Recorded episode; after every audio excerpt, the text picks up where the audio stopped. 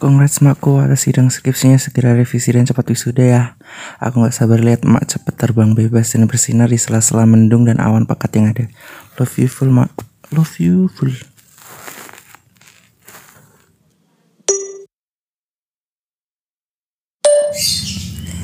Eh iya lupa, setelah S1 selesai, kata orang-orang sih bakal banyak halang rintang.